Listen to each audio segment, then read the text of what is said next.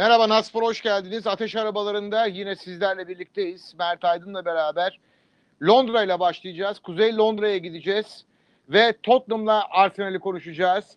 Programımızın içinde Tottenham Mert son şampiyonluğunu insanoğlu da aya ayak basmamıştı. 1960 1961 yılında kazanmayı başardı ve ondan sonraki dönemlerde bir türlü o istenilen şampiyonluk gelmedi. Tottenham'da İngiltere'nin bu eski ve köklü ekibinde. Doğru. Yani çok uzun yıllardır şampiyon olamıyor. Ee, en çok da aslında birkaç yıl önce yaklaşmıştı hatırlarsan. O sene de Leicester City şampiyon oldu. Ee, Tottenham'lar çok ahlandı vahlandı çünkü hani diğer rakipler Manchester United, Chelsea e,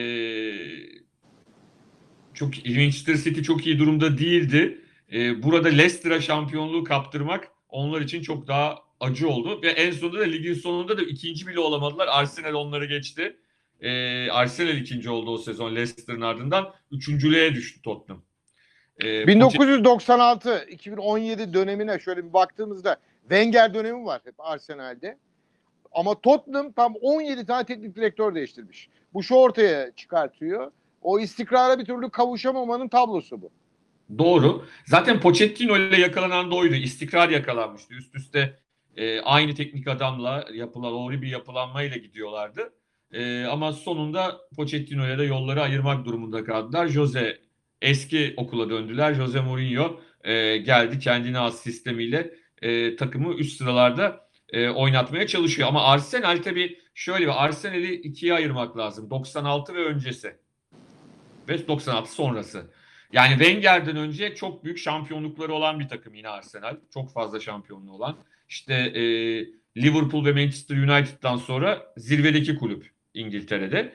Ancak e, özellikle 60'lı, 70'li ve 80'li yıllarda oynadıkları oyun şampiyon olduklarında bile çok sıkıcı olduğu için sıkıcı Arsenal lakabıyla tanınan bir takım.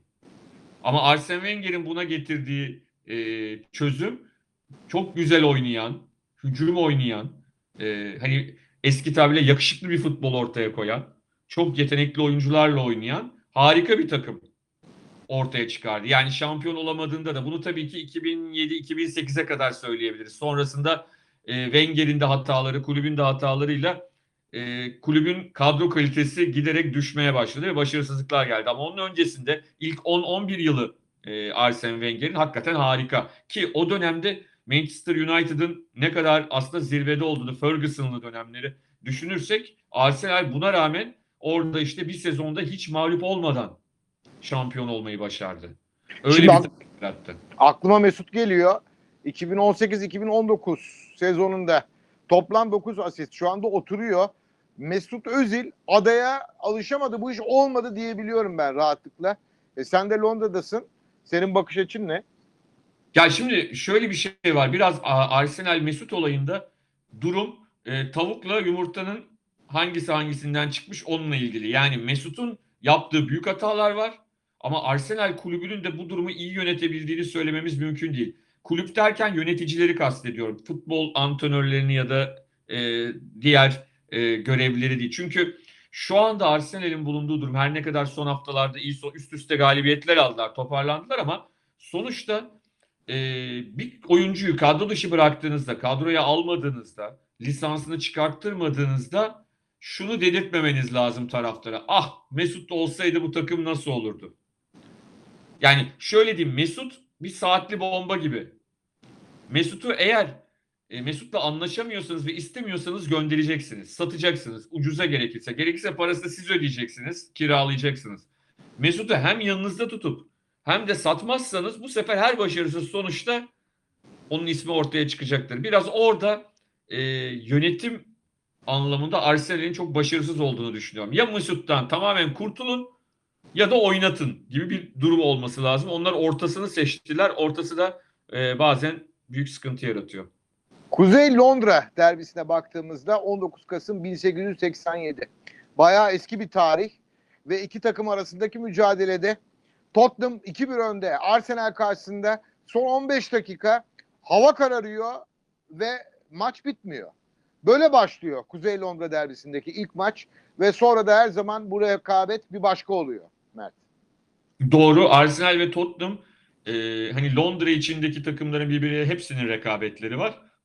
Ama aralarındaki en önemli rekabet diyebiliriz. Yani Londra için söylüyorum. Yani Manchester, Liverpool arasındaki şehre ait bir rekabet var. Manchester United ya da City'nin Liverpool ya da Everton'la oynadıklarında orada aslında takımlar değil şehirlerin kapışması var. Ama Londra'da durum farklı. Londra içindeki rekabetlerde en şiddetlisi e, diyebiliriz ki Tottenham ve Arsenal arasındaki Kuzey Londra derbisi. Zaman zaman oyuncu değişimleri olduğunda, o takımdan o takıma giden oyuncular olduğunda çok ciddi sıkıntılar yaşanıyor ki bunun en güzel örneklerinden biri Sol Campbell. Sol Campbell Tottenham'da işleri iyi gitmediği için, şampiyonluğa oynayamadığı için Arsenal'in teklifini kabul etti ve sonraki sezonda e, İngiltere'de görebileceğiniz en küfürlü e, şarkılar Tottenham tribünlerinde Sol Campbell için bestelendi. Hani İki bizde- takımın iki takımın yönetimi de çok enteresan. Neden enteresan? Ekonomiyi kâra geçmeyi düşünüyorlar. Özellikle Tottenham Başkanı Daniel Levy. Ona baktığımızda kulüp zarar etmesin, biz şampiyon olmayalım, kar edelim. E, Arsenal'de de farklı bir yönetim yapısı yok bence Mert. Ya karışık. Şimdi Tottenham daha geleneksel tabii ki. Yani e, ama Arsenal'in yabancı artık sahipleri ve e, İngiliz olmadıkları için de daha çok tepki çekiyorlar. E, biraz İngiliz geleneklerinden uzak kaldıkları için bir anlamda. E, ya bu kar etme meselesi tabii ki hani bu şirket ve sahiplik meselesi çok farklı. Şimdi Türkiye'de e, kulüpler dernek statüsündeler. Evet şirket halinde olanlar var ama yani genel anlamda bildiğimiz dernek statüsündeler. Ee, buradan bakış biraz orada garip olabiliyor ama orada e, İngiltere'de sahipler var ve bir kısmı e, hani kar etmeyi, para kazanmayı da bir şekilde işin içinde görüyorlar. Hep beraber göreceğiz bunun sonu nereye varacak ama e, son birkaç yıldır Tottenham daha üste çıktı rekabette. Şimdi Şeye rağmen. Evet. To- Ama Tottenham'ın bir sloganı var. Evet. Tottenham'ın sloganı var. Latince. İlk kuruluşunda 1882 yılında kuruluyor Tottenham. Latince olduğu için not aldım. Sayın seyircilerimize hemen söyleyeyim. Audere est facere. Diyor ki cesaret etmek yapmaktır. Tottenham artık bu cesareti tekrar sağlamış durumda mı acaba? Öyle gösteriyor mu bizlere? E, zaman zaman gösteriyor. Yani e, dediğim gibi özellikle Pochettino döneminde ciddi şekilde e, heyecan yaratmıştı ama o sırada da stadı yenilemeye karar verdiler. Yani hatta şöyle diyeyim hani iterek espri yapıyorum. Sanki iterek biraz yana aldılar stadı. Daha büyüterek. Ben çünkü eski stat e, White Hart Lane'deyken maça gitmiştim. Biraz yanda inşaat devam ediyordu. Dediler ki espri olarak hani oraya doğru gidecek stat. Gitti işte Wembley'de oynadılar bir süre maçlarını. Ama bu sırada transfer yapamadılar. Yani asıl sıkıntı orada oldu. Pochettino gibi çok değerli bir teknik adamla çalıştıkları dönemde e, rakipleri bol bol oyuncu transfer ederken onlar e, aynı kadroyla devam etmek zorunda kaldılar ve sakatlıklar onları zorladı. Ama bu arada ne yaptılar? İşte Harry Kane gibi, Dele Alli gibi, Son gibi oyunculara değer üstüne değer kattılar. Yani bugün evet Ali biraz e, şeyle sorunlar yaşadığı için Jose ile pek oynayamıyor ama İngiltere milli takımın önemli bir parçası oldu. Harry Kane Dünya Kupası gol kralı oldu. Yani bu e, da Tottenham'ın e, işte İngiltere milli takımına verdiği önemli katkılar diyelim. İşte Tottenham'da yıldızlaşan Kyle Walker şimdi Manchester City'de oynuyor İngiltere milli takımı ile birlikte.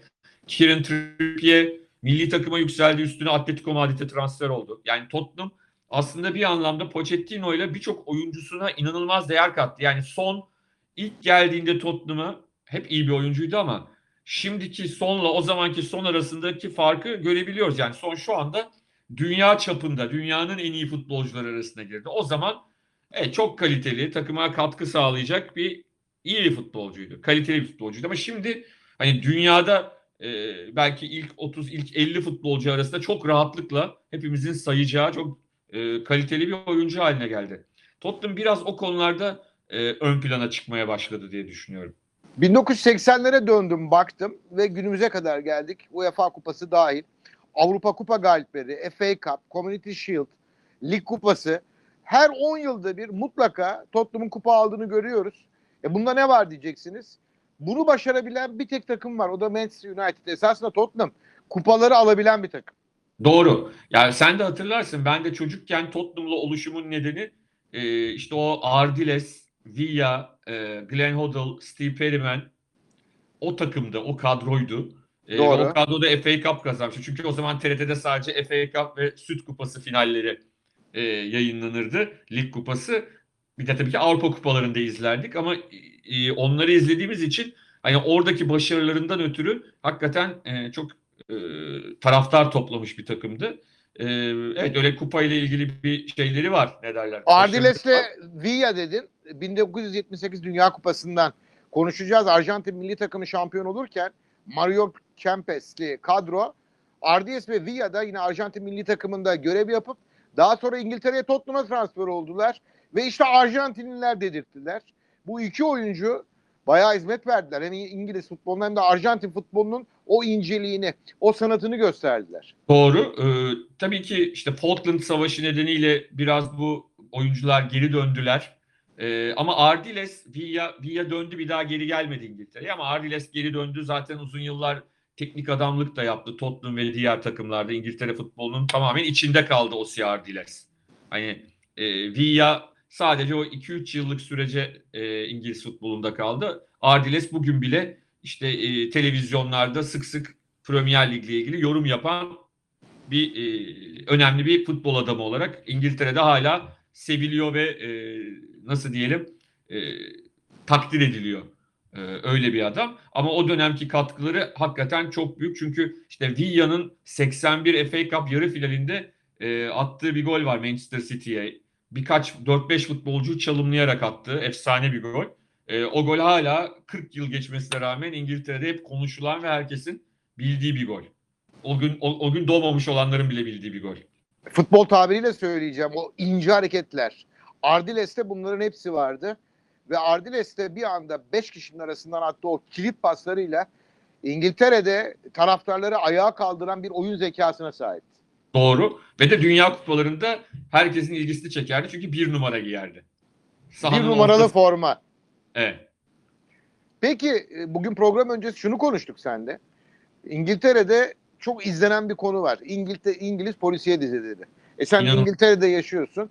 Özellikle BBC'nin hazırladığı diziler dünya polisiye literatüründe her zaman ilk beşe girmişlerdir. Bugün Güzel. senle bunları bir çıkartalım dedik.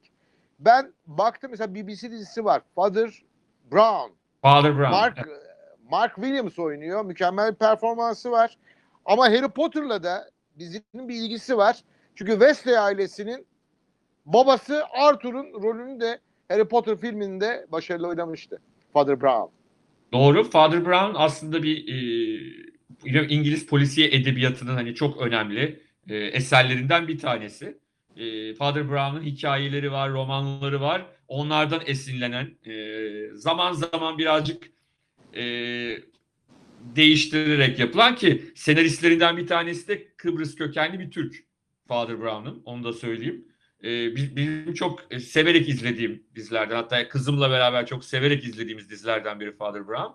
E, onun dışında tabii e, Father Brown gibi klasik işte e, Agatha Christie'nin Hercule Poirot'su, Miss Marple'ın modeli cinayet çözenler olduğu gibi İngilizlerin çok başarılı olduğu bir konu da hakikaten böyle polis ekiplerinin e, cinayet çözümleri, e, olaylarla ilgili onlarla ilgili müthiş dizileri var. Bir tanesi de sen bana yolladın o dizilerden benim çok takdir ettiğim yaklaşık 15-20 yıla e, yayılmış bir dizi. Böyle her sene sezonu olan dizilerden bir tanesi Prime Suspect. E, çok önemli bir dizi. Doğru söylüyorsun. Mutlaka mutlaka hemen bütün sezonlarını burada izledim. Ee, geçmişten daha 90'ların başından itibaren olan sezonları. Burada şöyle bir şey var. Ee, aslında Türkiye'de de özellikle TRT'nin bunu yapması bence harika olur. Bir e, uygulama var. Sadece maalesef Türkiye'den al- yap- a- indirilemiyor. E, iPlayer diye, BBC iPlayer diye. BBC iPlayer'ın içine girdiğinizde böyle akıllı televizyonlarda yer alıyor bu girdiğinizde birçok eski diziyi tüm sezonlarıyla birlikte BBC'de yayınlanmış ya da belgeselleri e, çocukluğumuzdan beri izlediğimiz ya da konserleri, maç, e, BBC'nin her haftalık maç futbol programlarını izleyebiliyorsunuz daha sonra. Şimdi Prime Suspect, e, Helen Mirren Oscar'lı bir oyuncu. Süper. Bu yüzden de çok izlenmesini tavsiye edeceğim bir dizi ama Yüzde yüz. ben 1960'lara götüreyim. 1960'ların İngiltere'sini bize yansıtan bir dizi var. Adı Endover. Bu kadar mükemmel bir dekor, bu kadar nefis bir senaryo olamaz.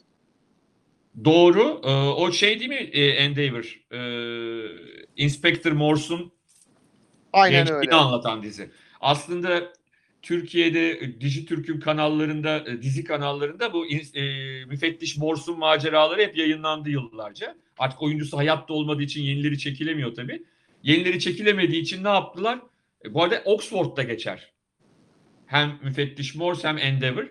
Gençliğini anlatan bir dizi yapmaya karar verdiler ve Endeavor'ı çektiler. Endeavor ITV'nin dizisi E, ve e, o da aynı kalitede. Çünkü müfettiş Morse'un şöyle bir özelliği var. Klasik bir polis değil. Klasik müzik hoşlanıyor. Zaten Oxfordlu. Anlatabiliyor muyum? Yani biraz daha farklı bir e, dedektif tipi. Endeavor'da onun gençliğini anlatıyor. Line of Duty hala devam ediyor. Süper. 2012'de başladı. Ee, 10 numara diyebilir miyiz? 11 yani 11 olsa 10 on- yani ben hep adını duymuştum. Buraya gelene kadar da açıkçası hiç e, izlemişliğim yoktu. Hatta dördüncü sezonu muydu neydi buradayım. Dizinin son bölümünden, sezonun son bölümünden önce hani biz sadece Türkiye'de olur zannediyoruz. Burada panel yaptılar son bölümde ne olacak diye. Ya şimdi şaka dizinin gibi. konusundan biraz bahsedelim. AC12 diye bir birim var.